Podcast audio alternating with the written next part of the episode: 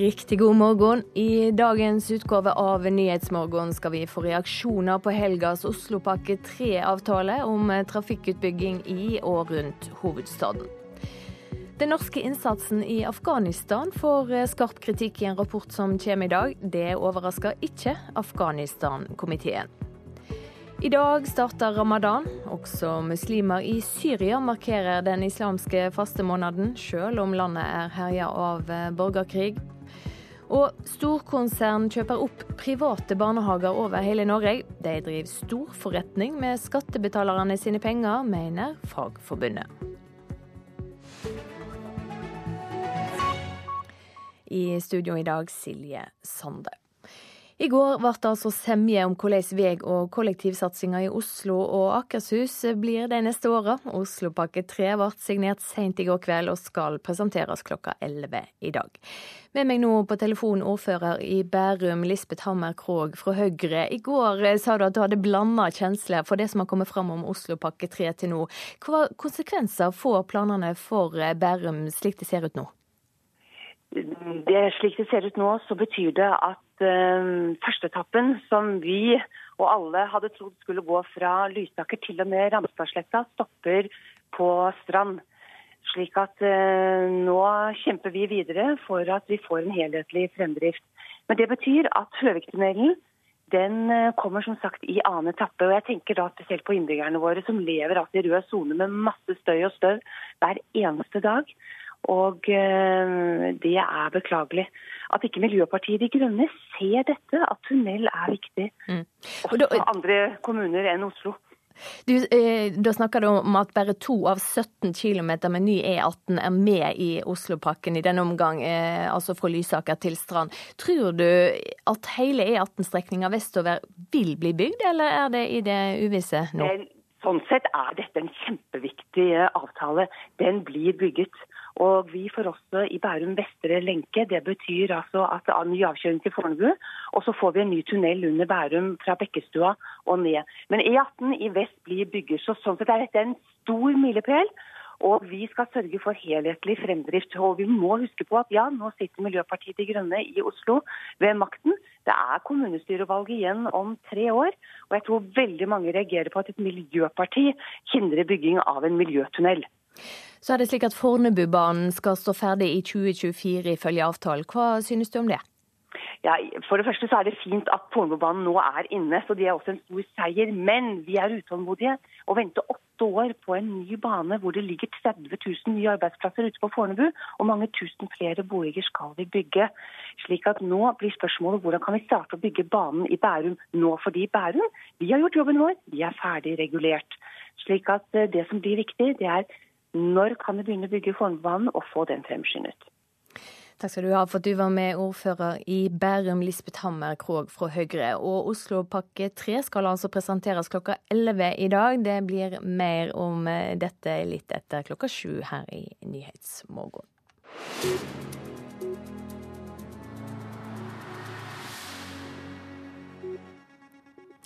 Minst eh, tre mennesker er døde og ni er skadde etter ei togulykke i Belgia. Ulykka skjedde da et passasjertog kjørte inn i et godstog. Kollisjonen ble av vitner beskrevet som svært voldsom. De to første vognene til passasjertoget sporet av. Etterpå måtte redningsarbeidere skjære løs overlevende fra vraket. Ulykken skjedde på toglinjen mellom byene Namur og Liège sørøst i Belgia klokken 23 i går kveld. Så langt er det meldt om tre døde og ni skadde etter ulykken. Til sammen var det rundt 40 mennesker om bord i passasjertoget da ulykken skjedde. Haldor Asvald orienterte. Afghanistan-komiteen er ikke overraska over at den norske innsatsen i Afghanistan får kraftig kritikk i en ny rapport. Det er det regjeringsoppnevnte Godal-utvalget som er kritisk til både det norske og det internasjonale samfunnet sin innsats gjennom mange år i det krigsherja landet. Det skriver Fedrelandsvennen. Dette viser at vi først og fremst har vært i Afghanistan for å tjene USA, ikke afghanerne, sier generalsekretær i Afghanistan-komiteen Liv Kjølseth. Jeg syns det er bra at eh, utvalget ser ut til å slå fast at Norge var i Afghanistan først og fremst pga. allianseforholdet til USA og Nato. Det er Godal-utvalget hun sikter til. Dette er et regjeringsoppnevnt utvalg som nå har evaluert Norges innsats i Afghanistan. I dag legger utvalget fram sin rapport for regjeringen, men Fedrelandsvennen kunne i går avsløre mye av innholdet.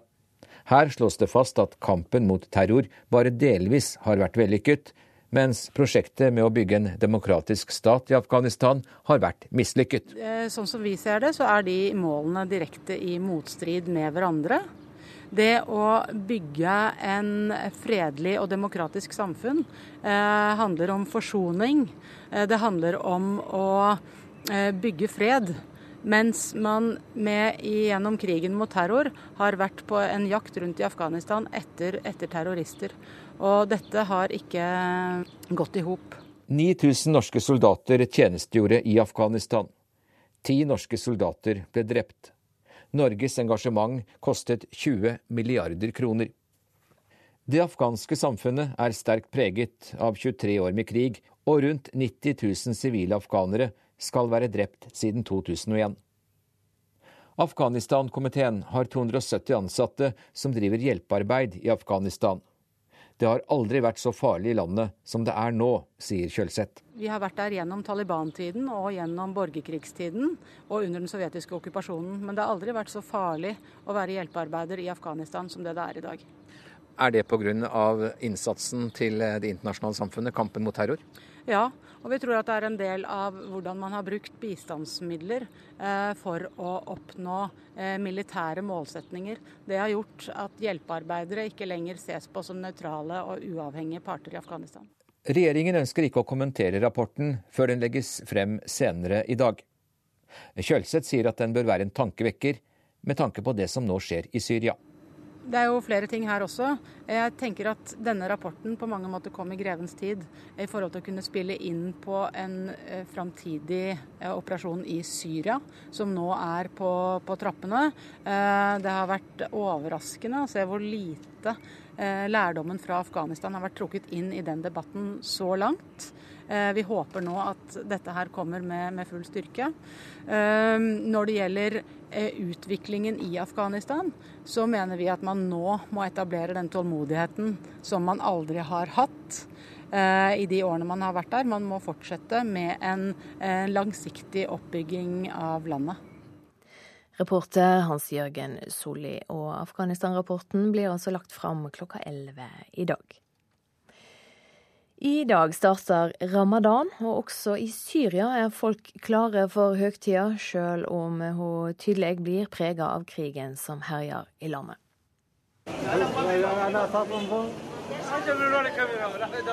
Det var folksomt på marknaden i Damaskus i går, dagen før starten på den hellige måneden ramadan.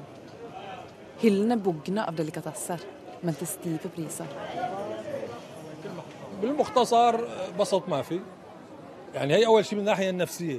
Folk er ikke glade, og den økonomiske situasjonen tillater ikke folk å kjøpe søtsaker og andre ting til å feire med. Atmosfæren er annerledes enn tidligere år, sier en av de som handler til Reuters. For økonomien er hardt råka etter over fem år med krig. Den syriske valutaen har nådd det laveste nivået i historien. Og det er bare takket være økonomisk hjelp fra Iran at den ikke har kollapsa helt, ifølge bankfolk i landet. Likevel er innbyggerne i hovedstaden langt bedre stilt enn syrerne på flukt. I Satari-leiren i nabolandet Jordan forbereder syrerne seg på nok ei høgtid hjemmefra. Flere av de 85 000 som bor her, har vært her helt siden starten av krigen. Men ramadan skal feires. En kjøpmann i leiren har kjøpt inn ekstra dadler, ei populær matvare i måltidet som bryter fasta. En annen er i ferd med å lage tradisjonelle søtsaker. Men ikke alle har råd til å kjøpe godsakene. Mange er avhengig av hjelp fra Verdens matvareprogram. Mohammed Amari, en av de som bor i leiren, sier til Reuters at han savner ramadanfeiringa i heimbyen, men at de prøver å gjenskape stemninga i leiren. Det viktigste er å samle de næreste.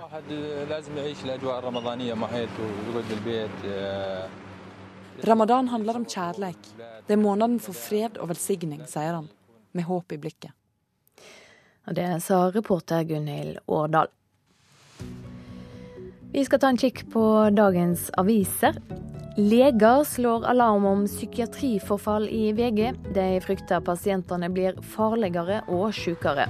Ved Dikemark regionale tryggingsavdeling har de ansatte rapportert inn 400 skademeldinger på ett år. Aftenposten skriver om innholdet i Oslopakke 3. Alle unntatt syklister må bidra når kollektivtrafikken i og rundt Oslo skal rustes opp. Fremskrittspartiet ligger an til helomvending i energiforliket, skriver Dagens Næringsliv. Nestleder Per Sandberg sier til avisa at det ikke er realistisk å stoppe salget av nye bensin- og dieselbiler fra 2025. Fra vondt til verre, skriver Dagsavisen om Afghanistan-rapporten, som altså blir lagt fram i dag. Rapporten inneholder krass kritikk av det norske bidraget i Afghanistan. Lettprodukt er ikke så lette som du tror, forteller Dagbladet. Avisa har sjekka energiinnholdet i øl, chips, sjokolademelk og rusbrus. Energiinnholdet kan fremdeles være høyt, selv om det er snakk om et lettprodukt, og ekspertene ber folk om å passe på. Norge vil ta initiativ til å endre flyktningkonvensjonen og tilpasse den til dagens situasjon. Klassekampen har snakka med asylekspert og tidligere direktør i Verdensbanken, Paul Collier, som hilser initiativet fra Sylvi Listhaug velkommen. Mangler unger i barnehager, er overskrifta i Stavanger Aftenblad. Sandnes kommune må stenge tolv barnehageavdelinger til høsten. Sju av ti sier ja til dyrere klær, forteller Vårt Land. Folk flest er villige til å betale ekstra for at de som syr klærne våre, skal få ei rettferdig lønn. Veterinærforeninga ønsker å kontrollere at alle husdyr to ganger i året. Det kan hindre dyretragedier, sier leder for Veterinærforeninga Toril Moseng til Nasjonen. Og sherpaene som jobber med den nye fjellstien i Tromsø, får bare minstelønn, forteller Nordlys. Arbeiderne fra Nepal bærer steiner på opptil 100 kg. Sjefen deres tar ut eh, millionlønn og 800 000 kroner i utbytte, ifølge avisa.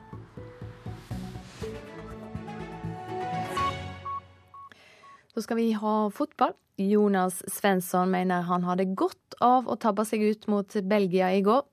Landslagsbekken feiler stygt i forkant av Belgias første mål i 3-2-sigeren over Norge i går. 23-åringen fikk tidvis kjørt seg mot de belgiske stjernene. Jeg tror egentlig at jeg hadde litt godt av det her. for man har, eh, Jeg har spilt i, med Rosenborg i Tippeligaen nå, og vi har stort sett angrepet. og eh, Vi har tenkt mye offensivt. Så tror jeg det var litt sunt for meg å få komme ut på her. og Man får jo mye skryt hjemme i Norge og i Tippeligaen der, men uh, man merker at man uh, kanskje ikke så god likevel. Innover i feltet, Hazard header, og så er det 2-2! Så er det 2-2! Hazard ødelegger moroa for Norge. Men moro var det ei god stund i går. Faktisk gikk Norge på et tidspunkt opp til 2-1 mot det belgiske stjernegalleriet. Og så kommer Berisha inn i feltet og skyter i mål! Men så snudde Belgia og vant til slutt 3-2. Og midt i denne belgiske gryta, Jonas Svensson, kun 23 år gammel. Likevel har han spilt over 200 offisielle kamper for Rosenborg. Det er et stort sprang fra eliteserie til møte med fintesterke Eden Hazard. Ifølge fotballekspert i NRK Lise Klaveness er dette tøff, men viktig læring. En ting er å spille Eliteserien, en annen ting er å spille internasjonal fotball, der du særlig på kanter møter veldig raske gjennombruddsspillere, som kan være en helt annen, eh, et helt annet nivå, selvfølgelig, men òg en annen kultur. Og Ergo så vil han jo føle at han har gjort seg noen erfaringer her. De første ti minuttene med en sånn kamp vil være litt hjernerystelse. Og så kan han kjenne at han tar nivået etter hvert. Og det syns jeg han har gjort. Og det, selv om han kanskje ikke er tipp topp fornøyd med seg sjøl, så tror jeg at han innerst inne er ganske sikker på at han vil ta dette nivået hvis han får litt mer tid på seg? Nei, De er jo eh, på til, altså det meste jo, det på taktisk og det, det fysiske. De de er, sterke i kroppen og utrolig hurtige. Eh, du tror du har dem, men så plutselig forsvinner de. Eh, og spesielt Hazard og, og Mertens var utrolig kvikk, så det, det blir noen uh, nivå opp. Men uh, det er liksom ikke noe annet å gjøre enn å ta med seg det her, og så får jeg hjem og trene. Reporter det var Ole Rolfsrud. Klokka er straks 6.48. Eh, Dette er hovedsaken nå. Minst tre mennesker er døde og ni er skadde etter en togkollisjon i Belgia. Ulykka skjedde da et passasjertog kjørte inn i et godstog. Bompengeavgifta skal kraftig opp for å begrense trafikken inn mot Oslo, men det er ikke privatbilismen som øker, sier forsker.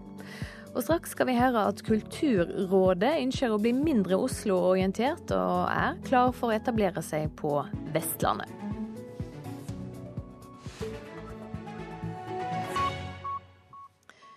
Flere store barnehagekjeder ekspanderer og kjøper nå opp private barnehager over hele landet. To av de største barnehagekjedene, Norlandia barnehagene og Læringsverkstedet AS, har til sammen kjøpt nær, nær 50 barnehager i år, og har planer om å kjøpe enda flere. Det uroer Fagforbundet. De mener selskapene driver storforretning med skattebetalerne sine penger.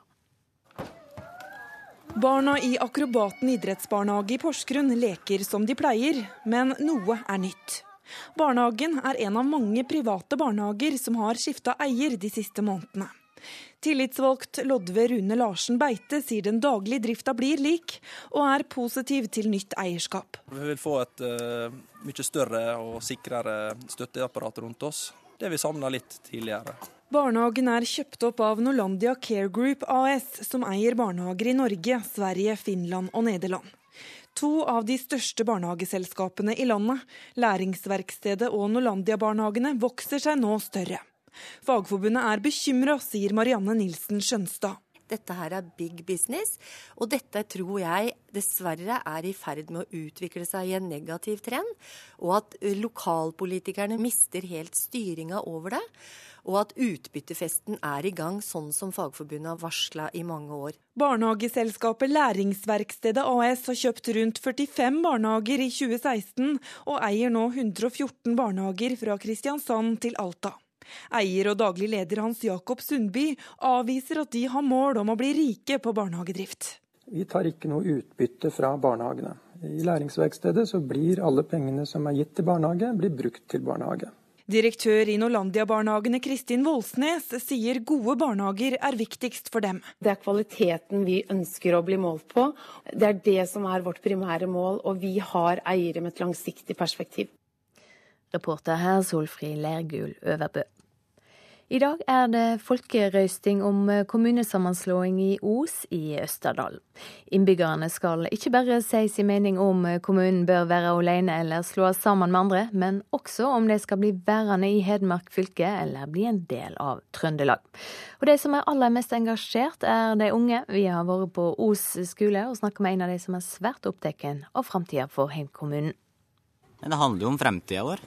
På vegne av ungdommen så er det viktig at vi fronter våre meninger og det vi eh, står for og tenker om den reformen og den politikken som føres i dag. 16 år gamle Erik Lillebakken sitter ute i skolegården på Os barne- og ungdomsskole. Rundt ham leker barn i alle aldre og koser seg i friminuttet. Men Erik har i disse dager viktigere fokus enn vennesamvær. Han er nemlig svært opptatt av folkeavstemningen om kommunesammenslåing. Og han er langt fra eneste ungdom i kommunen som er opptatt av Os sin framtid. Jeg har et inntrykk av at ungdommen er veldig engasjert når det gjelder den kommunereformen og den prosessen nå er inne i. Jeg er kanskje enda mer engasjert enn den litt eldre generasjonen òg. Erik er ved siden av å være nestleder i Os ungdomsråd også aktiv i elevrådet ved skolen. Lærer Gunhild Ferhagen Sæter, som samarbeider tett med elevrådet, bekrefter den store politikkinteressen. De er jo veldig ivrige, da. Noen har jo største frykt å bli en trønder, og noe, det er jo der. Og så er det jo det med at de vil det beste for hjemplassen sin. Med engasjement følger også et ønske om makt til å påvirke. Ungdomsrådet gikk hardt ut og krevde at 16-åringer skulle få stemme. De skrev brev til ordføreren og fremmet forslag for kommunestyret. Det ga resultater. Det har vært enstemmig vedtatt der, og de var til og med så snille at de innvilga stemmerett for alle som vil fylle 16 år i løpet av året, altså alle som er født i 2000. Ordfører i Os, Runa Finnborud, mener det er en selvfølge at ungdommene skal få heve sin røst og gi sin stemme. Vi har et veldig stort engasjement, og det er så bra, altså, for det er jo ungdommene som er framtida vår. Alle kommunesammenslåinger vekker følelser, men i Os sitt tilfelle ligger det litt ekstra i potten. Det skal nemlig avgjøres om man ved en sammenslåing vil se nordover, mot Røros og Holtålen, eller sørover i Østerdalen. Blir det sammenslåing nordover, blir Os en del av Trøndelag. Og engasjerte Erik har sin klare oppfordring til alle sambygdinger. Folk må ha seg ut og stemme. Ja, Denne oppfordringa kom fra 16 år gamle Erik Lillebakken. Reporter her er Knut Øyvind Hagen. Kulturrådet skal bli mindre Oslo-orientert og trolig etablere et kontor på Vestlandet, enten i Stavanger eller i Bergen. Det er tilrådinga i en rapport rådet sjøl har skrevet på oppdrag fra Kulturdepartementet. I en rekke år har Kulturrådet blitt skylda for å favorisere Oslo-baserte kunstnere når stipender skal deles ut. Kulturminister Linda Hofstad Helleland er samd i at Oslo-fokuset har vært for sterkt. Ja, jeg vil jo si det. Siden jeg er fra distriktet sjøl, så vet vi at det skapes uh, veldig mye kunst og kultur av høy kvalitet rundt omkring i hele Norge. Det sier Høyres kulturminister Linda Hofstad Helleland. I hånden holder hun rapporten som hennes forgjenger fra Vestlandet bestilte. 36 sider som anbefaler at Kulturrådet etablerer en avdeling for kreativ næring nettopp på Vestlandet. Og jeg er glad for at de nå ønsker å flytte mer kulturmakt eh, ut i landet. Og bygge opp også kulturklynger som blir sterkere utenfor eh, hovedstaden vår. I rapporten som Kulturrådet selv har skrevet, anbefales det at kontoret skal ligge enten i Stavanger eller i Bergen. For begge disse byene har sterke kreative miljøer man kan samarbeide med. Men kulturministeren har ikke lyst til å peke seg ut noen favoritt blant de to. Både Bergen og Stavanger har veldig mye positivt å by på når det kommer til den kreative næringa. Men vi har ikke konkludert. Nå skal vi lese nøye gjennom rapporten, og så skal vi se gjennom sommeren hva vi kommer til å ende på. Kulturrådet har alltid ligget i Oslo, og har mange ganger blitt kritisert for å favorisere østnorske kunstnere når stipendene skal deles ut. Fungerende direktør Vibeke Mohr innrømmer at de ikke har vært gode nok til å speile hele Kunstner-Norge. Ja, vi tar den kritikken til etterretning, og ønsker jo at Kulturrådet skal være med til stede i hele landet. Men vi er jo et bitte lite miljø da, på 100, vel 100 ansatte, så det er, ikke, det er jo ikke et stort organ vi snakker om. Reporter Petter Sommer. Kunder bør kunne kreve å få vite hvor og hvordan sitt produkt er laget. Det mener Framtida i våre hender. Tre små partier kjemper for en ny etikklov som vil gjøre dette mulig. Og mest trolig vil et flertall i Stortinget være positive til en utgreiing av et slikt lovforslag. I dag skal familie- og kulturkomiteen levere sin innstilling til Stortinget, men klesbransjen er kritisk til en slik lov. Det hender vi finner drømmeplagget i butikken. Men er vi villige til å spørre i kassa om arbeidsforholdet til fabrikkarbeiderne som har laga plagget? Vi spurte noen tilfeldige kunder i Elverum. Det var nok veldig lite sannsynlig. Sikkert ikke. Jeg tror ikke jeg hadde tenkt på å gjøre det nå. Dessverre. Vi nordmenn tenker jo ikke så mye på på disse her forholdene som er i de ulike fabrikkene? Nei, det er vel noe som jeg egentlig ikke tenker på. Sjøl om jeg egentlig vet at veldig mye av disse her kjolene som kanskje er ganske billige, blir laget av små barnehender. Det er for jævlig. Det er for jævlig å være en tekstilarbeider. I andre sesong av Aftenpostens TV-serie Sweatshop følger vi fire ungdommer fra Sverige og Norge som møter tekstilarbeidere i Kambodsja. Jeg blir så sint at jeg rister og ikke har peiling på hva jeg skal gjøre av meg. Det har vært mye skriveri om forholdene til tekstilarbeidere de siste åra. Men for forbrukerne er det ikke spesielt enkelt å finne ut hva plagg som er laga på en etisk forsvarlig måte, mener flere politikere som nå foreslår en ny etikklov.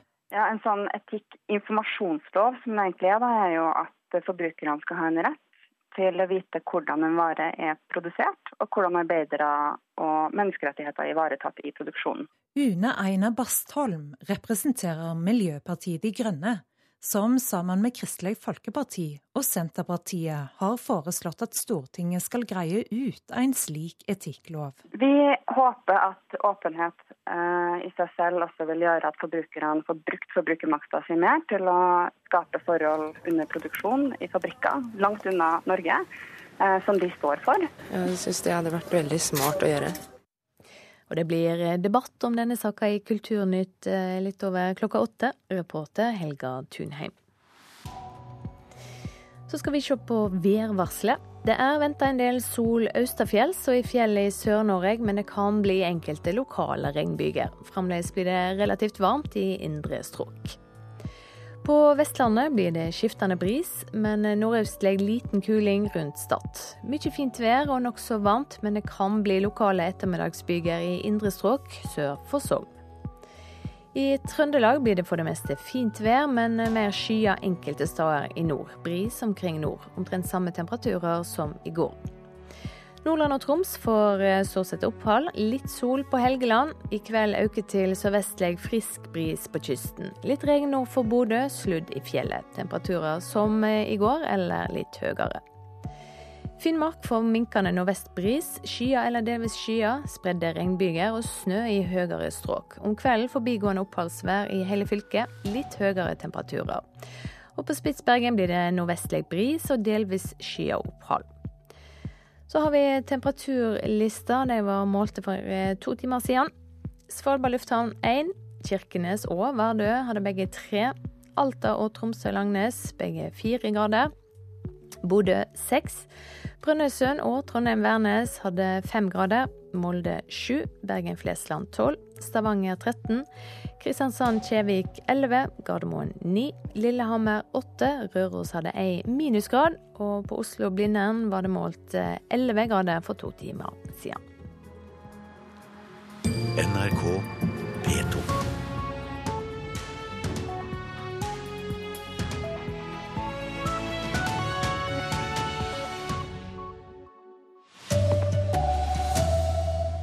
Minst tre mennesker har mistet livet i en togulykke i Belgia. Bærum er skuffet over at ikke hele E18 gjennom kommunen skal bygges ut nå.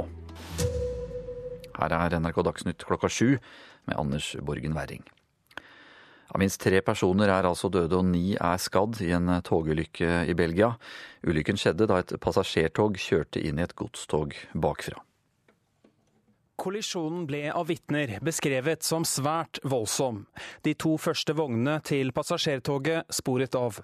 Etterpå måtte redningsarbeidere skjære løs overlevende fra vraket. Ulykken skjedde på toglinjen mellom byene Namur og Liège sørøst i Belgia klokken 23 i går kveld. Så langt er det meldt om tre døde og ni skadde etter ulykken. Til sammen var det rundt 40 mennesker om bord i passasjertoget da ulykken skjedde sa reporter Haldor Asvald. SAS vurderer å droppe langdistanseflyginger fra Oslo lufthavn Gardermoen. Innføringen av flypassasjeravgiften gjør at det blir mindre attraktivt å fly fra Norge. Det sier konsernsjef i SAS, Rikard Gustavsson, til Dagens Næringsliv. SAS har i løpet av det siste året økt langdistanseflygingene med rundt 25 i dag legges eh, Oslopakke 3 fram. Et av eh, virkemidlene for å få ned trafikken på E18 er å øke bompengene kraftig. Detaljene i avtalen blir kjent klokka 11 i formiddag. Det er, etter det NRK kjenner til, enighet om at deler av E18 inn mot Oslo skal bygges ut. Ordfører i Bærum, Lisbeth Hammer Krogh fra Høyre, er glad for at det blir utbygging, men eh, skuffet over at ikke hele veiprosjektet kommer nå. Det, slik det ser ut nå, så betyr det at uh, førsteetappen, som vi og alle hadde trodd skulle gå fra Lysaker til og med Ramstadsletta, stopper på Strand. Slik at uh, nå kjemper vi videre for at vi får en helhetlig fremdrift. Men det betyr at Høviktunnelen den uh, kommer som sagt i annen etappe. og Jeg tenker da spesielt på innbyggerne våre som lever altså i rød sone med masse støy og støv hver eneste dag. Og eh, det er beklagelig. At ikke Miljøpartiet De Grønne ser dette, at tunnel er viktig. Mm. Også for andre kommuner enn Oslo. Du, eh, da snakker du om at bare to av 17 km med ny E18 er med i Oslopakken i denne omgang, eh, altså fra Lysaker til Strand. Tror du at hele E18-strekninga vestover vil bli bygd, eller er det i det uvisse nå? Sånn sett er dette en kjempeviktig avtale. Den blir bygget. Intervjuer her Silje Sande. Hillary Clinton har vunnet demokratenes nominasjonsvalg i Puerto Rico, melder nyhetsbyrået Ap. Dermed er Clinton enda et skritt nærmere å bli demokratenes presidentkandidat. Hun fikk 64% av stemmene, mot Bernie Sanders 35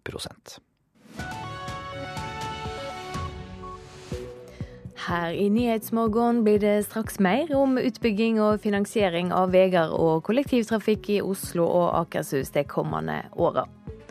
I dag skal fem sørlandskommuner røste over om de ønsker å bli en del av et stor Kristiansand. Den norske innsatsen i Afghanistan har, i landet i, har ikke vært med på å endre utviklinga i landet i positiv retning, ifølge et ekspertutvalg. Vi spør om hva som burde vært gjort annerledes. Og den islamske fastemåneden ramadan starter i dag. Nyhetsmorgen har vært i Drammen og snakka med muslimer der som gleder seg.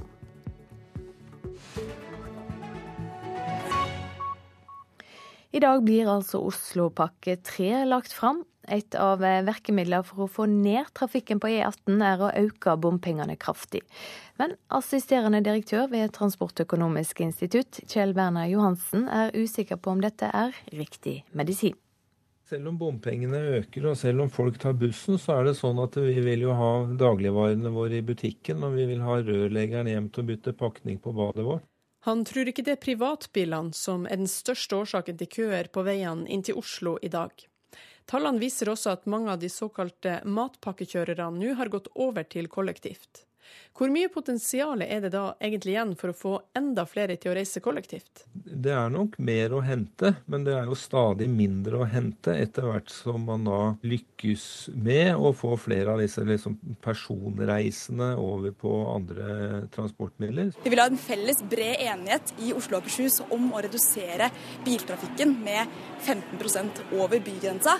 Og det er kjempeviktig for å gjøre Oslo-lufta bedre, for å redusere klimagassutslippene og for å gjøre nærmiljøet i Oslo enda bedre. Det sa miljøbyråd i Oslo Lan Marie Berg fra Miljøpartiet De Grønne da hun i går kveld gikk inn i møte for å ferdigstille Oslopakke 3. Noen av virkemidlene er nå at det i rushtida vil koste 53 og 58 kroner i bommen. Utenom rushtida 43 og 48, mot dagens 32 kroner for privatbiler.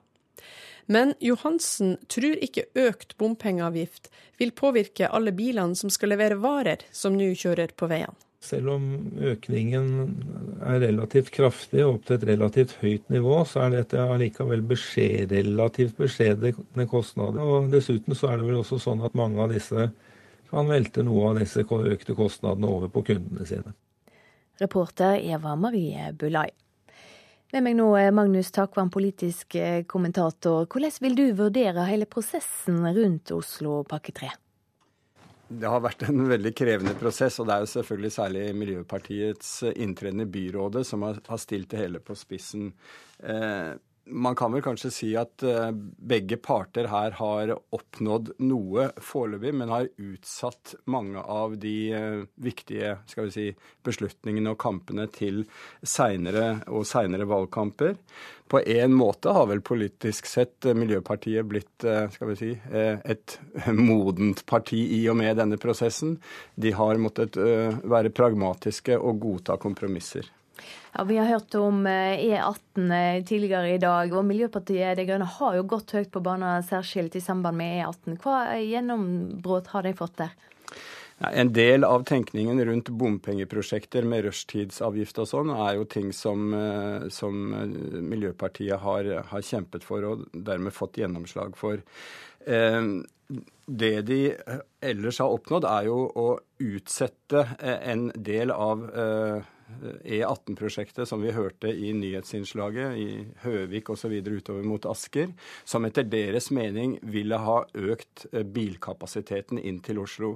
Slik at de definerer den delen av E18 som nå blir utbygd, nærmest som et eh, nødvendig prosjekt for å få bedre kollektivtilbud inn mot Oslo, særlig i Bærum, der eh, man skal bygge en tunnel for å avlaste den lokale trafikken. Men så vil som sagt mange av slagene stå uh, senere. Denne Oslopakke 3 skal jo legges fram eh, litt senere i dag. Hva skjer videre nå i den politiske handsaminga? Nei, Dette må jo godkjennes i, i, i organene politisk både i Oslo og i, i regionen. Eh, og mange ser for seg at eh, f.eks. Frp vil ha problemer i Oslo med å akseptere disse bompengene Eh, nivåene. Eh, men det blir en interessant valgkamp både i 2017 og 2019 om disse eh, prosjektene. Når Miljøpartiet har gått med på dette og ikke valgte å bryte, som, som kanskje en del ville ha gjettet på, så var grunnen at dersom det hadde blitt et brudd, så hadde de eksisterende planene for E18 vært de som gjaldt. Og dermed hadde man jo på en måte tapt hele kampen. sånn at de hadde et veldig press på seg for tross alt å være med på det eh, de nå har oppnådd. Takk skal du ha, Magnus Takvam. Og det blir mer om Oslopakke 3 i Politisk kvarter eh, når klokka blir kvart på åtte.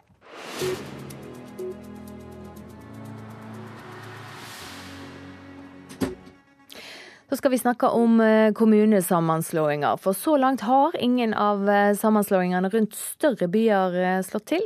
I dag er det avrøsing i Sogndalen, Søgne, Lillesand og Birkenes. Og det kan sammen med Kristiansand bli en storbykommune. Hovedaktørene var deltakere i siste utgave av Debatten på NRK.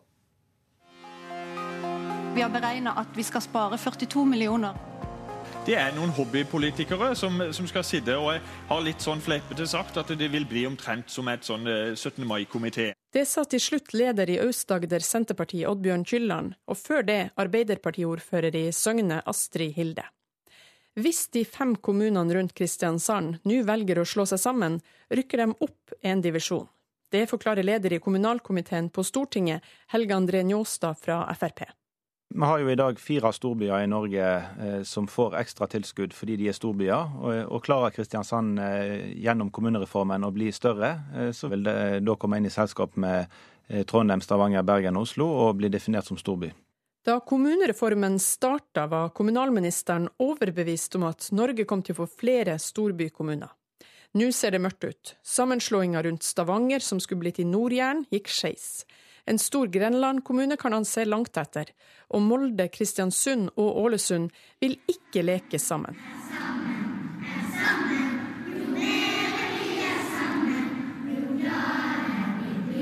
Så er det nok mange som føler at det kan bli for tett. Det sier Høyre-ordfører i Kristiansand, Arne Thomassen, og argumenterer for sammenslåing.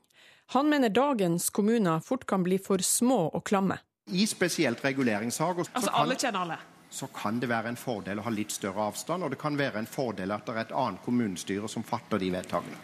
Høyre-ordføreren i selveste Kristiansand er for. Også Arbeiderpartiordfører i Søgne, Astrid Hilde, er for. Jeg tror det gir oss mer demokrati. Vi kan bestemme både over ting i det store bo- og arbeidsmarkedet, både der vi bor og der vi jobber. Og så mener jeg at det gir bedre tjenester å gå inn i en storkommune. Det gir bedre robuste fagmiljø. Mens partikollega fra Ap, Linda Hye, i den minste kommunen Birkenes, er mot. Da er jo frykten, når vi eventuelt skulle gå inn i en Stor-Kristiansand, så når realiteten til lokalpolitikerne der òg, der de må gjøre harde prioriteringer, og der våre bygder ikke har en sjanse inn i en storkommune. Ja, hva tror du vil skje med bygdene? De kommer til å bli fraflytning, enkelt og greit. Men i dag er det innbyggerne som skal si sin mening. 71% av dem spurte i Kristiansand har sagt ja i innbyggerundersøkelsen til en storkommune. Folkeavstemningene i dag foregår i de fire andre kommunene. Skal man tro innbyggerundersøkelsene der, blir det svært tett løp. Helge André Njåstad på Stortinget er spent. Kristiansand er jo veldig spennende. Det er jo virkelig en, en storby som jobber godt med å samtale med sine naboer og har lagt på bordet et godt utgangspunkt. Ja-ordfører Astrid Hilde er også spent. Ja, nå må vi jo se. Det er veldig close race, men jeg håper jo at vi får det til. Mens Senterpartiets Oddbjørn Kylland, som også er med i kommunepolitikken i Lillesand, mener ekspansjon er unødvendig. Vi trenger ikke å bli større, og det er ikke Lillesand sin oppgave å gjøre Kristiansand til den storbyen som de kanskje drømmer om å bli. Denne reportasjen var laga av Hans Erik Veiby, Svein Sundsdal og Eva Marie Bulai. Klokka er eh, straks 13 minutter over sju. Dette er hovedsaker nå. Minst eh, tre mennesker er døde og ni er skadde etter en eh, togkollisjon i Belgia. Ulykka skjedde da et passasjertog kjørte inn i et godstog. Bompengeavgifta skal kraftig opp for å avgrense trafikken inn mot Oslo, men det er ikke privatbilismen som øker, sier trafikkforsker. Og SAS vurderer å droppe langdistanseflyginger fra Gardermoen pga. den nye flypassasjeravgifta.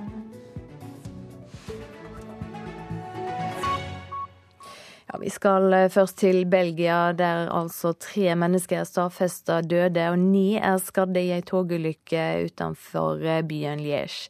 Ulykka skjedde da et passasjertog traff et godstog.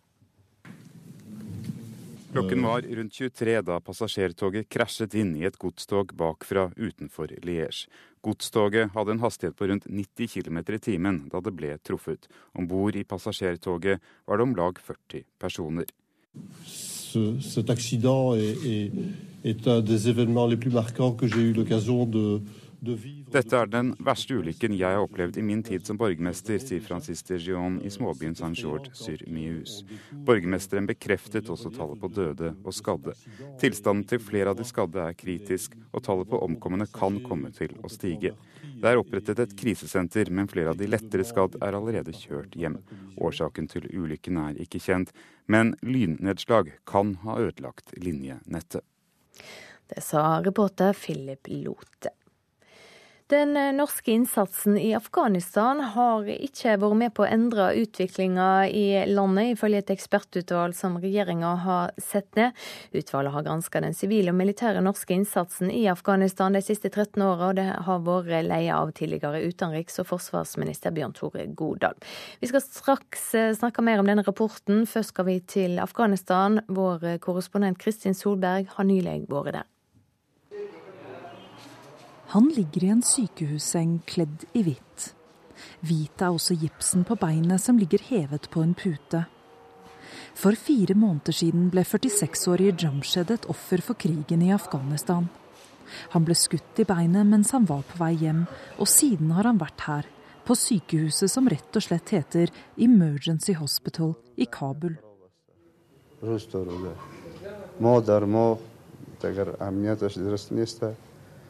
Sikkerhetssituasjonen blir verre måned for måned, dag for dag. De afghanske myndighetene makter ikke å fjerne bevæpnede menn, sier Jamshed, og vet godt hva han snakker om. Rundt ham står ikke en eneste sykehusseng tom. På Emergency Hospital behandles utelukkende mennesker med krigsskader, og de blir stadig flere.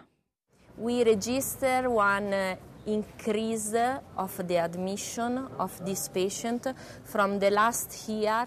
Vi har sett en økning på 25% i antall pasienter i år, sier Sara Salvigny, koordinator på sykehuset.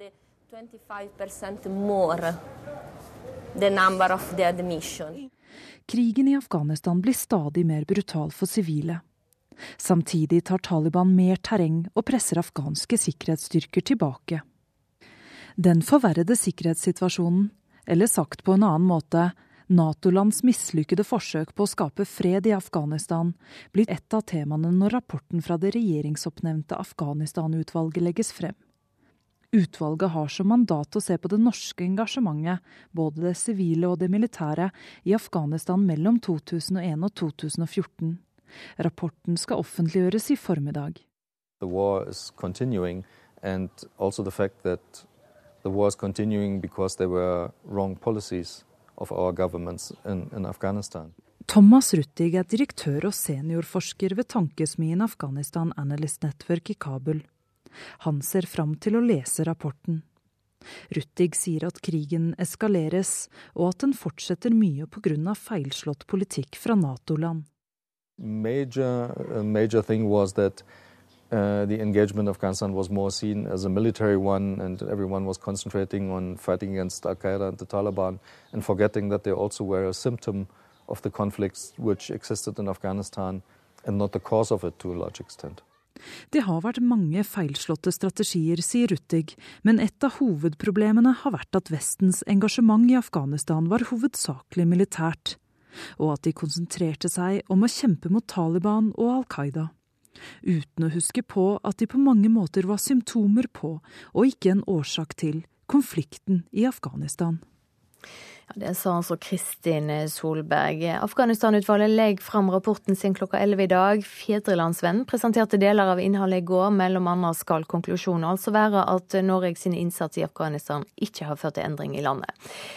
Eh, god morgen, Cecilie Hellestveit. Eh, du er seniorforsker ved ILPI, International Law and Policy Institute. Eh, vi må først understreke at du ikke har lest rapporten, men basert likevel på det vi vet om innholdet. Hva kan det se ut til at Norge og Nato har gjort gale?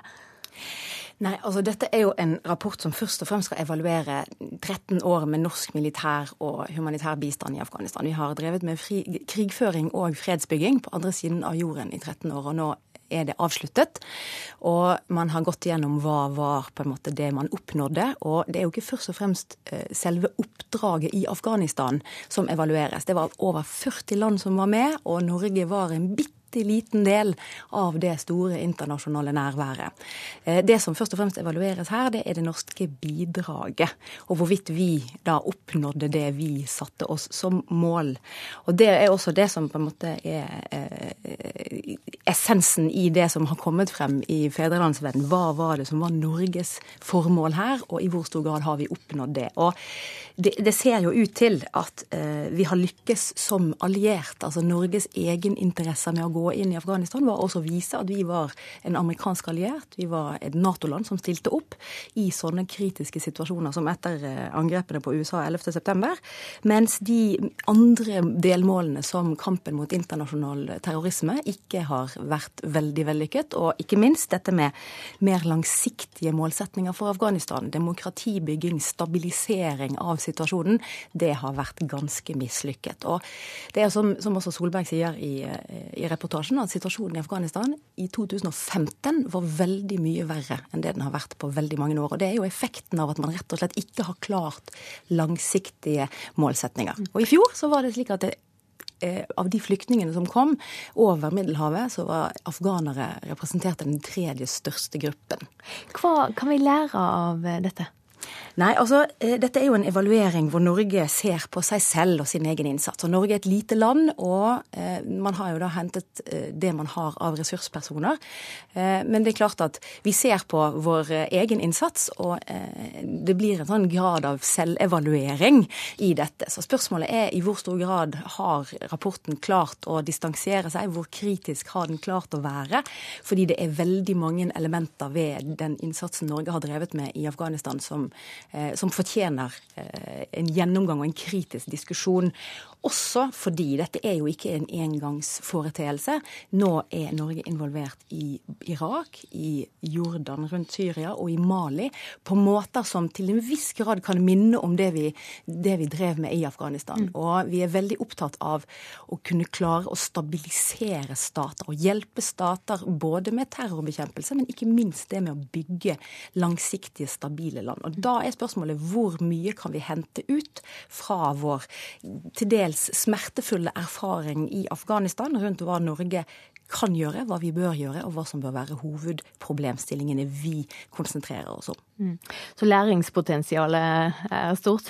Ja, det er jo litt usikkert. Mm. For dette kan jo være en slags havarikommisjon som først og fremst ser på hva gikk galt i Afghanistan, som var en veldig spesiell kontekst. Eller det kan på en måte gi mat til å trekke ut uh, lærdommer for uh, det som kommer til å bli problemstillinger fremover. Men det er klart, Afghanistan var spesiell. og det som er kanskje litt av hovedkritikken til rapporten og utvalget, eh, som man kan på en måte si før man har lest den, er at den har tatt for seg Norges innsats i forhold til Nato og Norges innsats i forhold til FN, men ikke Norges innsats i forhold til den amerikanskledede terroroperasjonen Operation Enduring Freedom, som var ganske viktig for hvorfor situasjonen i Afghanistan ble så komplisert.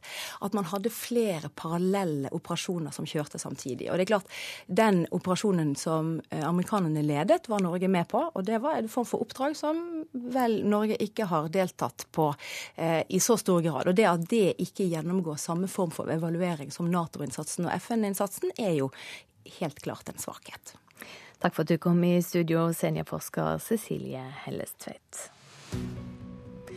Så skal vi se på dagens aviser. Leger slår alarm om psykiatriforfall i VG. De frykter pasientene blir farligere og sykere. Ved Dikemark regionale tryggingsavdeling har de ansatte rapportert inn 400 skademeldinger på ett år. Aftenposten skriver om innholdet i Oslopakke 3. Alle unntatt syklister må bidra når kollektivtrafikken i og rundt Oslo skal rustes opp. Fremskrittspartiet ligger an til helomvending i energiforliket, skriver Dagens Næringsliv. Nestleder Per Sandberg sier til avisa at det ikke er realistisk å stoppe salg av nye bensin- og dieselbiler fra 2025. Fra vondt til verre skriver Dagsavisen om Afghanistan-rapporten, som altså blir lagt fram i dag. Lettprodukter er ikke så lette som du tror, forteller Dagbladet. Avisa har sjekka energiinnholdet i øl, chips, sjokolademelk og rusbrus. Energiinnholdet kan fremdeles være høyt, selv om det er snakk om et lettprodukt, og ekspertene ber folk om å passe på. Norge vil ta initiativ til å endre flyktningkonvensjonen og tilpasse den til dagens situasjon. Klassekampen har snakka med asylekspert og tidligere direktør i Verdensbanken, Paul Collier, som hilser initiativet fra Sylvi Listhaug velkommen. Mangler unger i barnehagene, er overskrifta i Stavanger Aftenblad. Sandnes kommune må stenge tolv barnehageavdelinger til høsten pga. mangel på barn. Sju av ti sier ja til dyrere klær, forteller Vårt Land. Folk flest er villige til å betale ekstra for at de som syr klær skal få ei rettferdig lønn. Veterinærforeninga ønsker å kontrollere alle husdyr to ganger i året. Det kan hindre dyretragedier, sier leder for foreninga Toril Moseng til Nasjonen. Og sherpaene som jobber med den nye fjellstien i Tromsø, får bare minstelønn, forteller Nordlys. Arbeiderne fra Nepal bærer steiner på opptil 100 kilo. Sjefen deres tar ut millionlønn og 800 000 kroner i utbytte, ifølge avisa.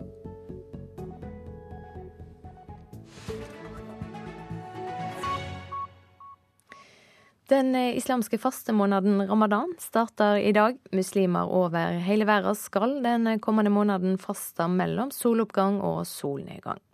I Drammen bor Rahila Awan med sin familie. Hun gjør husarbeid for å klargjøre til den viktigste måneden i året.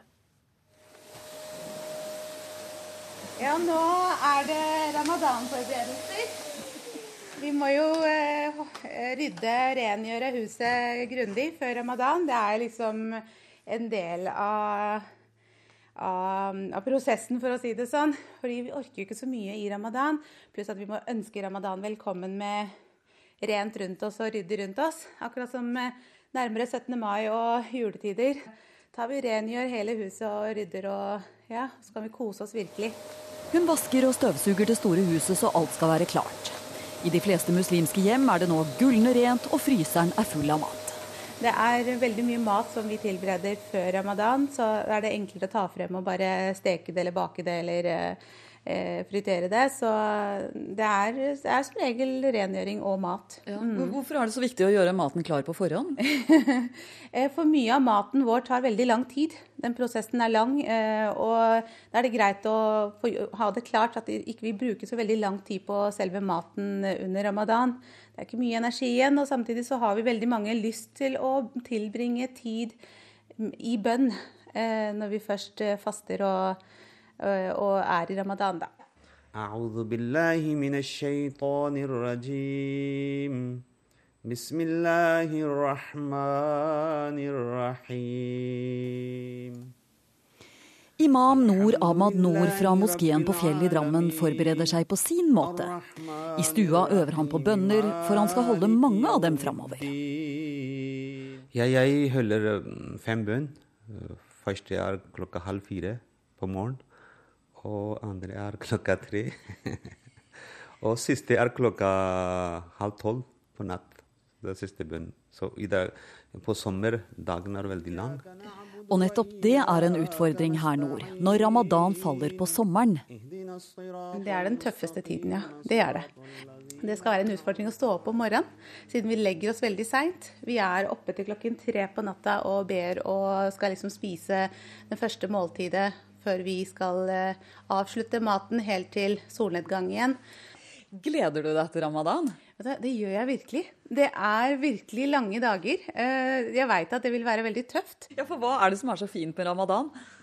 Eh, jeg veit ikke. Kanskje jeg tror jeg blir litt mer knytta til religionen min. Og så blir jo tålmodigheten satt på prøve. Det er, altså det er ikke det at du må, du må, tåle at du er sulten, men du må, du må, du må kontrollere ditt sinne. Du må kontro kontrollere deg sjøl. Aggresjonen din, øh, sulten, følelsene. Alt skal kontrolleres under ramadan. Og det, det er litt morsomt. Vi, vi, lærer å kjenne oss selv. For muslimene er dette en spirituell måned, men det er også en måned hvor det skal gjøres gode gjerninger og gis penger til de som er dårligere stilt. Imamen gleder seg til ramadan. Ja, veldig. Så mye. Og alle muslimer. Hvorfor det? Vi føler at vi kom nærmere til Gud. Hjemme hos Rahila er huset snart helt strøket. Hun forteller om fulle moskeer og masse hygge med venner og familie når solen går ned. Så, så det er fest da, hver kveld? Ja, eller? det er fest hver kveld. Ja. det er det, ja. Det sa Rahila Wan, som nå har gått inn i fastemåneden sammen med mange andre av verdens muslimer. Reporter her, det var Karoline Bekkelund Hauge. I reportasjen etter Dagsnytt skal vi til Irak og kampen om Fallujah. Svært mange ulike grupper med ulike interesser er med i offensiven for å få IS ut av byen. Produsent for Nyhetsmorgen, Katrine Nybø. I studio, Silje Sande.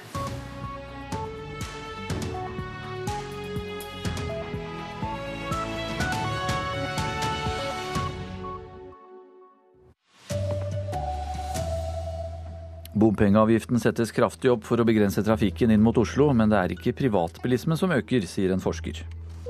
Norges innsats i Afghanistan får kritikk i en ny rapport. Fagforbundet er bekymret over at storkonsern kjøper opp barnehager. Her er NRK Dagsnytt klokka 7.30 med Anders Borgen Werring. I dag så legges altså Oslopakke 3 fram. Et av virkemidlene for å få ned trafikken på E18 er å øke bompengene kraftig. Assisterende direktør ved Transportøkonomisk institutt, Kjell Werner Johansen, er usikker på om dette er riktig medisin. Selv om bompengene øker og selv om folk tar bussen, så er det sånn at vi vil jo ha dagligvarene våre i butikken, og vi vil ha rørleggeren hjem til å bytte pakning på badet vårt. Han tror ikke det er privatbilene som er den største årsaken til køer på veiene inn til Oslo i dag. Tallene viser også at mange av de såkalte matpakkekjørerne nå har gått over til kollektivt. Hvor mye potensial er det da egentlig igjen for å få enda flere til å reise kollektivt? Det er nok mer å hente, men det er jo stadig mindre å hente etter hvert som man da lykkes med å få flere av disse liksom, personreisende over på andre transportmidler. Vi vil ha en felles bred enighet i Oslo og Akershus om å redusere biltrafikken med 15% over bygrensa. Og det er kjempeviktig for å gjøre Oslo-lufta bedre, for å redusere klimagassutslippene og for å gjøre nærmiljøet i Oslo enda bedre. Det sa miljøbyråd i Oslo Lan Marie Berg fra Miljøpartiet De Grønne da hun i går kveld gikk inn i møte for å ferdigstille Oslopakke 3. Noen av virkemidlene er nå at det i rushtida vil koste 53 og 58 kroner i bommen. Utenom rushtida 43 og 48, mot dagens 32 kroner for privatbiler. Men Johansen tror ikke økt bompengeavgift vil påvirke alle bilene som skal levere varer som nå kjører på veiene. Selv om økningen er relativt kraftig opp til et relativt høyt nivå, så er dette allikevel beskjed, relativt beskjedne kostnader. Og Dessuten så er det vel også sånn at mange av disse kan velte noe av disse økte kostnadene over på kundene sine. Reporter Eva Marie Bulai. Og miljø- og samferdselsbyrådet i Oslo, Lan Marie Berg fra Miljøpartiet De Grønne, er altså ansvarlig for å bygge ut E18. Og det står hun for. Det er helt klart at det var viktig for Akershus å få denne nedskalerte versjonen av den første delen av veien. Og så er jeg veldig fornøyd med at vi nå også er enige om at vi skal ha alternative planer for de videre strekningene framover. Det er sånn i forhandlinger at man må gi og ta, og vi har alle gitt og tatt. Jeg må få understreke at resten av E18-utbyggingen ligger jo i avtalen slik som den gjorde fra før av. Men det er de første kilometerne, som Lan sier, som vi nå setter i gang å bygge ut. Og det tror jeg er veldig bra, og det er helt nødvendig for trafikkløsningen det sa fylkesordfører i Akershus Anette Solli da de for første gang kommenterte Oslopakke 3-løsningen. Politisk kommentator her i NRK, Magnus Takvam, Miljøpartiet De Grønne gikk til valg på at de ikke ville bygge ut E18 inn mot Oslo i det hele tatt. Og det løftet holder de da ikke, hører vi. Hvor vanskelig har forhandlingene vært? Det har vært eh, meget eh, krevende, og det er klart på mange måter innebærer vel dette at eh, også Miljøpartiet De Grønne nå er blitt et pragmatisk, kompromissvillig parti. Med det utgangspunktet de hadde, så, så, var det nærmest politisk umulig å få fullt gjennomslag for det. Og det har de altså erkjent i og, i og med denne, denne avtalen. Og så har de også gått med på bompengeavgift for elbiler. Det kan vel også bli vanskelig å forklare velgerne? Der har det allerede oppstått en debatt. Eh, er, eh, de fleste er enige om at også elbilene må etter hvert bidra til å betale for å få mer kollektivtrafikk. Eh, men noen stiller spørsmålet ved at det blir innført en rushtidsavgift for dem allerede fra 1.3 neste år, for tidlig, før man har fått utbygd elbil, mengden av elbiler godt nok. Og det blir eh, altså pressekonferanse om Oslopakke 3 klokka 11 i formiddag. Takk skal du ha, Magnus Takvam. Afghanistan-komiteen er ikke overrasket over at Norges innsats i Afghanistan får kraftig kritikk i en ny rapport. Det er det regjeringsoppnevnte Godal-utvalget som er kritisk til både Norges og det internasjonale samfunnets innsats gjennom mange år i det krigsherjede landet, ifølge Fedrelandsvennen. Dette viser at vi først og fremst har vært i Afghanistan for å tjene USA, ikke afghanerne, sier generalsekretær i Afghanistan-komiteen, Liv Kjølseth. Jeg syns det er bra at eh, utvalget ser ut til å slå fast at Norge var i Afghanistan først og fremst pga. allianseforholdet til USA og Nato. Det er Godal-utvalget hun sikter til. Dette er et regjeringsoppnevnt utvalg som nå har evaluert Norges innsats i Afghanistan. I dag legger utvalget fram sin rapport for regjeringen, men Fedrelandsvennen kunne i går avsløre mye av innholdet. Her slås det fast at kampen mot terror bare delvis har vært vellykket, mens prosjektet med å bygge en demokratisk stat i Afghanistan har vært mislykket. Eh, sånn som vi ser det, så er de målene direkte i motstrid med hverandre. Det å bygge en fredelig og demokratisk samfunn eh, handler om forsoning. Eh, det handler om å eh, bygge fred. Mens man med, gjennom krigen mot terror har vært på en jakt rundt i Afghanistan etter, etter terrorister. Og dette har ikke gått i hop. Afghanistan-komiteen har 270 ansatte som driver hjelpearbeid i Afghanistan. Det har aldri vært så farlig i landet som det er nå, sier Kjølseth. Vi har vært der gjennom Taliban-tiden og gjennom borgerkrigstiden og under den sovjetiske okkupasjonen. Men det har aldri vært så farlig å være hjelpearbeider i Afghanistan som det det er i dag. Er det pga. innsatsen til det internasjonale samfunnet, kampen mot terror? Ja, og vi tror at det er en del av hvordan man har brukt bistandsmidler eh, for å oppnå eh, militære målsetninger. Det har gjort at hjelpearbeidere ikke lenger ses på som nøytrale og uavhengige parter i Afghanistan. Reporter eh, her, det var Hans Jørgen Solli. Så langt har ingen av kommunesammenslåingene rundt større byer slått til. I dag eh, er det folkeavstemning i Sogndalen, Søgne, Lillesand og Birkenes. Sammen med Kristiansand så kan de bli en eh, storbykommune. Leder i kommunalkomiteen på Stortinget, Helge André Njåstad fra Frp, forklarer hva det betyr. Vi har jo i dag fire storbyer i Norge eh, som får ekstra tilskudd fordi de er storbyer. Og, klarer Kristiansand gjennom kommunereformen å bli større, så vil det da komme inn i selskap med Trondheim, Stavanger, Bergen og Oslo og bli definert som storby. Da kommunereformen starta, var kommunalministeren overbevist om at Norge kom til å få flere storbykommuner. Nå ser det mørkt ut. Sammenslåinga rundt Stavanger, som skulle blitt i Nord-Jæren, gikk skeis. En stor Grenland-kommune kan han se langt etter, og Molde, Kristiansund og Ålesund vil ikke leke sammen. Ja, Det sa reporter Eva Marie Bulai. Flere store barnehagekjeder kjøper nå opp eh, private barnehager over hele landet. To av landets største barnehagekjeder, Norlandia-barnehagene og Læringsverkstedet AS, har til sammen kjøpt nærmere 50 barnehager i år, og har ambisjoner om å kjøpe flere. Fagforbundet er bekymret, og mener eh, selskapene driver stor forretning med skattebetalernes penger. Barna i Akrobaten idrettsbarnehage i Porsgrunn leker som de pleier, men noe er nytt. Barnehagen er en av mange private barnehager som har skifta eier de siste månedene. Tillitsvalgt Lodve Rune Larsen Beite sier den daglige drifta blir lik, og er positiv til nytt eierskap. Vi vil få et uh, mye større og sikrere støtteapparat rundt oss. Det vi savna litt tidligere. Barnehagen er kjøpt opp av Norlandia Care Group AS, som eier barnehager i Norge, Sverige, Finland og Nederland. To av de største barnehageselskapene i landet, Læringsverkstedet og Norlandia-barnehagene, vokser seg nå større. Fagforbundet er bekymra, sier Marianne Nilsen Skjønstad. Dette her er big business, og dette tror jeg dessverre er i ferd med å utvikle seg i en negativ trend. Og at lokalpolitikerne mister helt styringa over det. Og at utbyttefesten er i gang, sånn som Fagforbundet har varsla i mange år. Barnehageselskapet Læringsverkstedet AS har kjøpt rundt 45 barnehager i 2016, og eier nå 114 barnehager fra Kristiansand til Alta. Eier og daglig leder Hans Jakob Sundby avviser at de har mål om å bli rike på barnehagedrift. Vi tar ikke noe utbytte fra barnehagene. I læringsverkstedet så blir alle pengene som er gitt til barnehage, blir brukt til barnehage.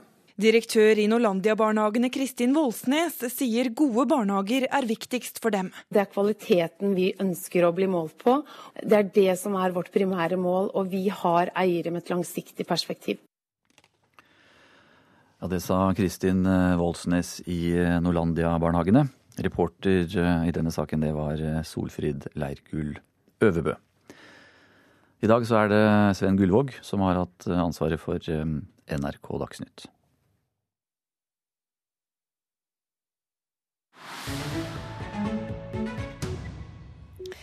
Her i Nyhetsmorgen skal vi til Irak nå. Der raser kampene om byen Fallujah, der ekstremistorganisasjonen IS har forskansa seg.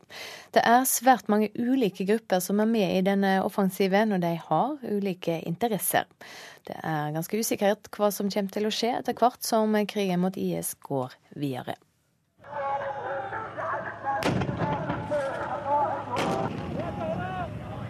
Styrkene som står utenfor byen er mildt sagt en blandet gjeng. Vi hører bombekastere avfyrte al-Hashad al-Shabi, eller Popular Mobilization Forces. Det er en sekkebetegnelse for omtrent 40 forskjellige militser, for det meste shia-muslimske, mange av dem støttet av Iran, men også noen sunnimuslimske, kristne og til og med yazedi-militser. De har forskjellig stridsevne, moral, mål og kommandostruktur. Med på laget er også den regulære irakiske hæren med sin bagasje. Det kan ta tid å nedkjempe IS i Fallujah, og det ser ut til at det vil ta tid å rydde Mosul. As soon as possible, we're gonna clean this place. Det er kurdisk peshmerga som rykker frem i vestlig retning mot Mosul, støttet av både amerikanske og canadiske spesialsoldater. Offensiven begynte i slutten av mai, og den har stødig fremgang. Men målet er egentlig ikke Mosul. Den kurdiske militære ledelsen opplyser at de vil stoppe noen kilometer utenfor byen, for den skal inntas av den irakiske hæren på en eller annen måte. Nå står irakerne omtrent der de har stått i to år etter at offensiven i mars stoppet opp.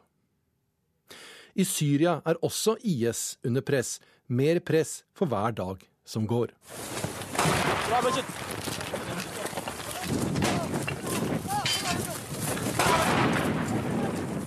Vi hører lyden av syriske soldater fra regjeringshæren i kamp mot IS. Denne uken startet en større offensiv østover, med utgangspunkt i Hama-provinsen, der styrkene enten på vei mot Al-Tabqa i den sørlige enden av Sadsjøen, eller mot den beleirede byen Deir es-Sor. Ifølge den Damaskus-orienterte avisen Al-Akhbar så er styrkene definitivt på vei mot Al-Tabqa. Regjeringshæren har i lang tid forsøkt å ta tilbake byen fra IS, men det har gått sakte fremover.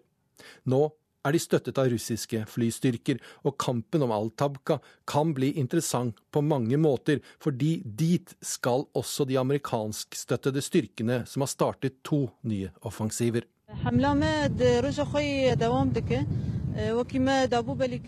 En gruppe militærkledde kvinner med YPG-flagg i bakgrunn står i et goldt landskap. Kvinnen som snakker inn i mikrofonen, sier at målet er Al-Tabqa. Med utgangspunkt i området rundt Tishrindammen har de såkalte Syrian Democratic Forces, SDF, denne uken startet angrep i to forskjellige retninger. SDF er ifølge amerikanerne en sammenslutning av kurder og sunnimuslimske syrere men i realiteten er det kurdiske kamptropper som gjør jobben sammen med amerikanske spesialsoldater. Så skal sunnimuslimene okkupere de besatte områdene.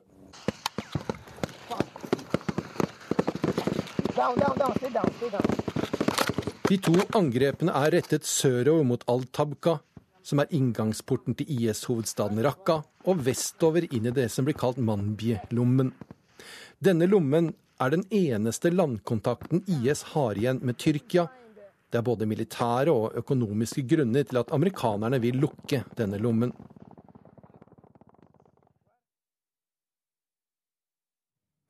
Reporter Halvard Sandberg.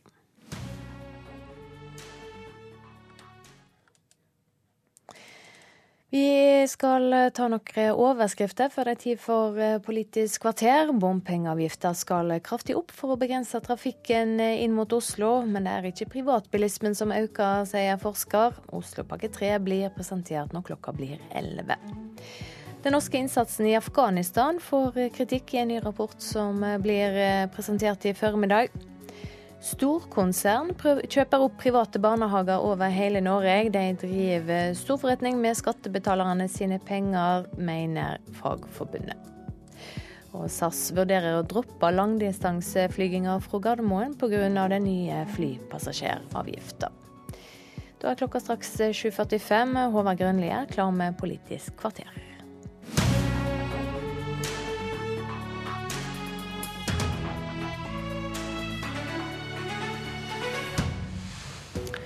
De skulle ikke bygge en eneste meter vei. Det blir halvannen kilometer uten at MDG har tenkt å trekke seg ut av byråd av den grunn. Men partene er ikke enige om veien videre. Kan E18 inn til Oslo bli vårt nye Lofoten og Vesterålen? Det spør vi om i Politisk kvarter, der vi også utfordrer Frp på hva de egentlig har tenkt å gjøre i asylinnstrammingssaka. Sikrer de et flertall i stortingskomiteen eller ikke? I går ble de altså enige, partene i Oslo og Akershus. E18 vest for Oslo er nedskalert, og de neste byggetrinnene blir skjøvet på. Men bygginga kommer trass alt i gang.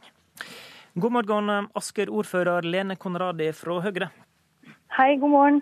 Hva er din reaksjon på det som ble framforhandla i går? Først og fremst så syns jeg det er en stor lettelse og faktisk en stor seier for hele E18 Vestkorridoren når vi nå ser at den er sikret og en forutsetning for hele avtalen i Oslopakke 3. Så jeg er veldig lettet i dag, jeg. Så du, eh, du kjenner deg altså trygg på dette med at E18 videre vestover fra de eh, halvannen kilometerne som eh, blir bygd først, kommer til å bli realisert en eller annen gang i framtida? Ja, det føler jeg meg veldig trygg på. Det er ikke bare en eller annen gang. Vi jobber for en helhetlig gjennomføring av en fase 1 og fase 2, hvor fase 1 starter opp i 2018. Og jeg har fått bekreftet at hele traseen ligger inne som en forutsetning for denne avtalen. Samtidig er jo partene enige om å være uenige om nettopp den videre prosessen der, etter det vi forstår. Hva er det som gjør at du kjenner deg helt sikker på at eh, det blir realisert i framtida? Fordi det er et så bredt forlik som står bak hele helheten i Oslopakke 3. Og der ligger hele Vestkorridoren inne at Miljøpartiet De Grønne går ut og ønsker å ta omkamp på det i senere valgkamper, det får jo stå for deres på en måte regning eh, og være deres sak. Eh, men jeg føler meg trygg på at det er et så bredt politisk forlik nå som gjør at eh, vi kan fortsette å planlegge og få gjennomført hele denne viktige, viktige prosjektet. Mm, men det blir sannsynligvis valgkamp i framtida om dette da, tror du? For MDG så blir det det. Men jeg Ja, og kanskje for deg? Ja, det skal jeg love deg. Men, eh, men vi, vi, har jo uh, stolt på og tillit til at det som nå står i Oslopakke 3, det skal gjennomføres. Og at man må tenke helhetlig. Og man, man må også planlegge og gjennomføre dette helhetlig. Det blir en ganske kraftig øke i bompenger, både for fossile biler og, og elbiler. Hva syns du om det? Ja, De detaljene har jeg ikke satt meg helt inn i, så jeg har ikke fått på en måte totalbildet klart for meg. Men det synes, bompengene synes å bli veldig høye. Det jeg er opptatt av, er å uh, for, be, ja, betrygge meg på at de også har tenkt gode insentiver for miljøvennlig kjøretøy her. Uh, for jeg har jo også forstått at uh, de gjør endringer i forhold til elbilenes goder, da. Og det er ikke du så begeistra for? Nei, det, jeg ønsker jo at bompengene skal ligge på et si, rimelig og ikke så veldig høyt nivå. Men Samtidig skjønner jeg at det må være noen si, begrensende effekter her også. At, at bompenger er kommet for å bli. Og den nye veien skal jo også finansieres gjennom bompenger i et spleiselag. Men det altså ligger lenger frem. Og det er også en stor lettelse at ny E18 skal ikke finansieres før, eh, men med nye bompenger før veien er ferdig. Takk til deg, Asker-ordfører Lene Konradi. Forhandlingspartene ville ikke komme hit til Politisk kvarter, men eh, dette sa samferdselsbyråd eh, Lan Marie Noyen Berg fra MDG til Østlandssendingen i dag tidlig. Det er helt klart at det var viktig for Akershus å få denne nedskalerte versjonen av den første delen av veien. Og så er jeg veldig fornøyd med at vi nå også er enige om at vi skal ha alternative planer for de videre strekningene framover. Det er sånn i forhandlinger at man må gi og ta, og vi har alle gitt og tatt i disse forhandlingene. Og jeg tror at det kompromisset vi har landet på, det er eh, veldig godt, og det er noe som jeg er godt fornøyd med. E18-prosjektet er et veldig stort prosjekt av mange ulike deler, og det er veldig dyrt. Og det har vært viktig for oss å få nedskalerte planer og få redusert kostnadene, og det får vi, eh, får vi nå. Og så, vil, eh, og så ber vi nå Vegvesenet om å utarbeide planer som reduserer kostnadene, og som ikke øker veikapasiteten. Og det har vært eh, viktig som en del av det forhandlingsresultatet som vi har. Det sa Lan Marie Noenberg til NRK Østlandssendingen i dag tidlig. Politisk kommentator i NRK, Magnus Takvam. Vi får eh, si det som det er. Studio skulle vært eh, fylt av E18-avtalepartnere, men etter at forhandlingsmøtet varte og rakk lenge i går kveld, så trakk de seg fra Politisk kvarter én etter én. Hva gjorde at det tok så lang tid i går? Nei, Det er jo eh, kryssende politiske eh, konfliktlinjer her, både partipolitisk og regionalt. Eh, Arbeiderpartiet f.eks. i Akershus og Oslo har jo noe utgangspunkt ut fra, fra hvor, hvilke velgere de, de, er mest opptatt av. Sånn at her har det vært veldig krevende, samtidig som mye av premissene er lagt på forhånd i lang tid så har det vært en skal vi si, enighet om, om eh, en skisseløsning for E18 som nå plutselig på en måte ble satt i et annet lys i og med at Miljøpartiet De Grønne kom inn i byrådet eh, i Oslo. Og de var jo eh, eller formulerte seg iallfall ganske ultimativt på at det skulle ikke bygges en eneste meter vei. Men nå er det en avtale på plass som gjør at de eh, faktisk er det. Eh, men de sitter videre i byråd, er det sånn vi skal forstå det? Ja, altså for det første, eh, dersom man tenkte seg at, vi, at det ble brudd i forhandlingene, så, så ville Miljøpartiet og, og risikert at resten av det politiske flertallet hadde på en måte vedtatt en plan som etter deres mening ville vært mer uakseptabel enn den de tross alt ser ut til å oppnå nå. Så Det, det er det ene. Det, det gjorde at de, de, valgte å bli med helt til mål. Og så har de klart omdefinert eh, hva det er realistisk å oppnå i denne prosessen, som, som, vi hørte her. Det man nå er opptatt av, er å prøve å få en nedskalert løsning. Eh, og eh, også en mm, si, enda sterkere satsing på kollektivtrafikk. Så man har omdefinert målene og blitt, som vi har vært inne på, nå også et mer kompromissvillig og pragmatisk parti. Um, til det som vi snakka med Asker-ordføreren om litt her. Um, de skyver da uh, på veien videre, bokstavelig talt. Uh, er resten av veien vestover i det uvisse, eller er den ikke det? Nei, slik... Vi hørte Asker-ordføreren kjente seg trygg på dette. Ja, altså Slik uh, jeg har forstått det, er det slik at E18 Vestkorridoren skal bygges. Det er en forutsetning som, som, man har fått inn i avtalen. Men hvordan utformingen skal skje, vil være gjenstand for politiske omkamper framover. Man har da i denne omgang stoppet eh, E18, den første parsellen ved Strand ved, ved Høvik, der det lå an til en nokså stor utbygging av en Høvik-tunnel videre utover mot Asker. Den definerer Miljøpartiet som skal vi si, uakseptabel for dem å gjennomføre. Eh, fordi de mener at den vil øke veikapasiteten og bil, bilmengden inn til Oslo.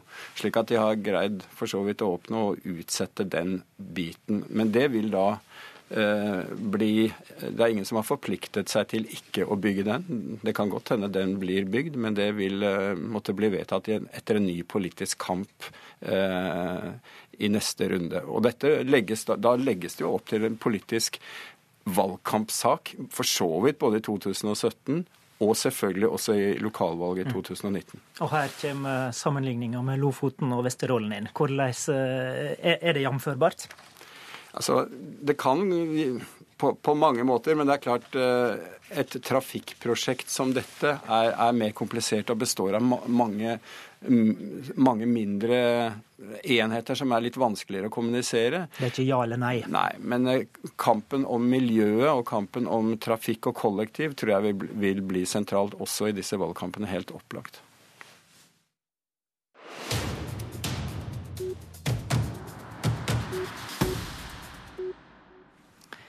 I dag skal kommunalkomiteen på Stortinget avgi sin innstilling i spørsmålet om innstramminger på asylfeltet. Den offentlige debatten den siste tida har i stor grad eh, handla om prosessen.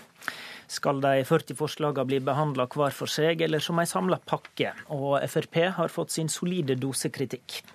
Velkommen hit, komitéleder Helge André Njåstad. Frp har varsla at dere primært eh, vil gå inn for forslagene fra regjeringa.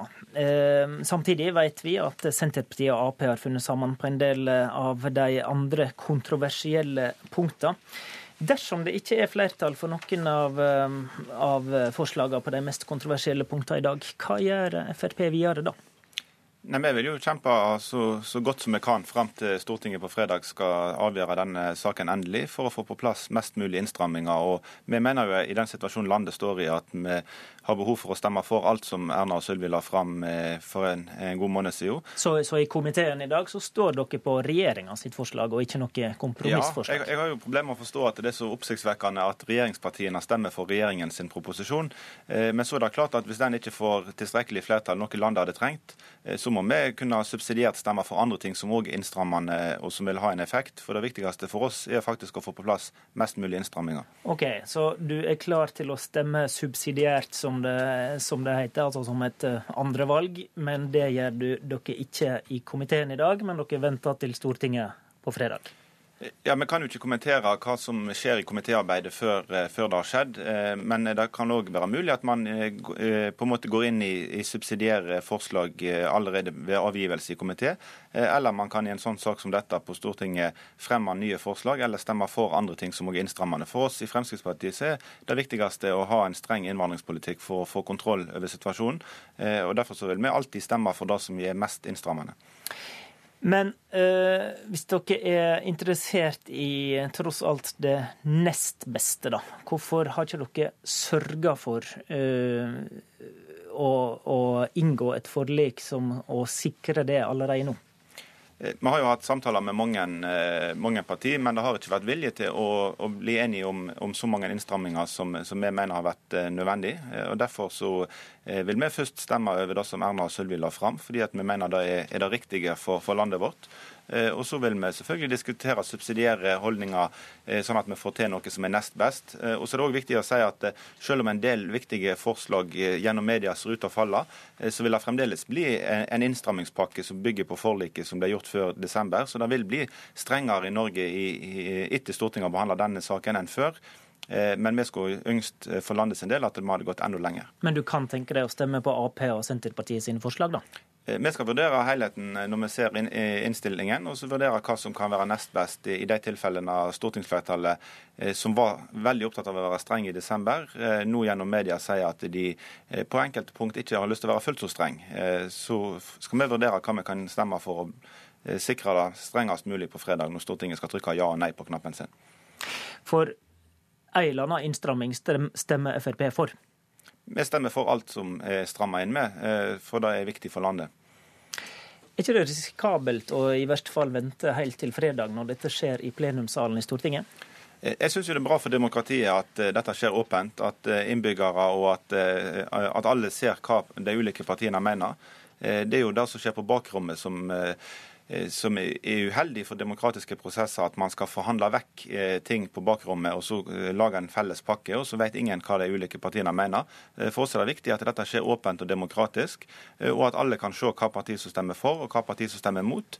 Sånne viktige saker som dette. Så det er ikke noe uvanlig å gjøre det på denne måten, og det er ganske åpent og ærlig overfor innbyggerne hva man er for og hva man er imot. Ut i åpent lende, altså. Vi skal ta det uvanlige, som du nevner til slutt, der med politisk kommentator Magnus Magnus Takvam, hvor uvanlig er denne prosessen som vi hører om her nå? Så Det vanlige er jo for en mindretallsregjering å forhandle om å få gjennom mest mulig av, eh, av sin politikk i Stortinget. Og når jeg tror at eh, Venstre og KrF ikke vil bli med på, hvis det er det som er eh, forslaget her, et slags miniforlik av subsidiære standpunkter, så jeg tror ikke de vil gå med på det, fordi de vil også ha den samme retten som da Frp og Høyre har, om å stemme først på sine primære forslag. Men poenget er at hvis de går inn, hvis det skal være noe vits i et, et slikt forlik, så må de bindes opp til å, til å, støtte det. Ellers så kan de like godt oppnå flertall for en, en, mer liberal politikk med den andre siden i Stortinget. Så de krever likebehandling på den måten. Et miniforlik om subsidiære standpunkt. Det var et godt politisk kvarteruttrykk. Takk til begge to. I studio var Håvard Grønli.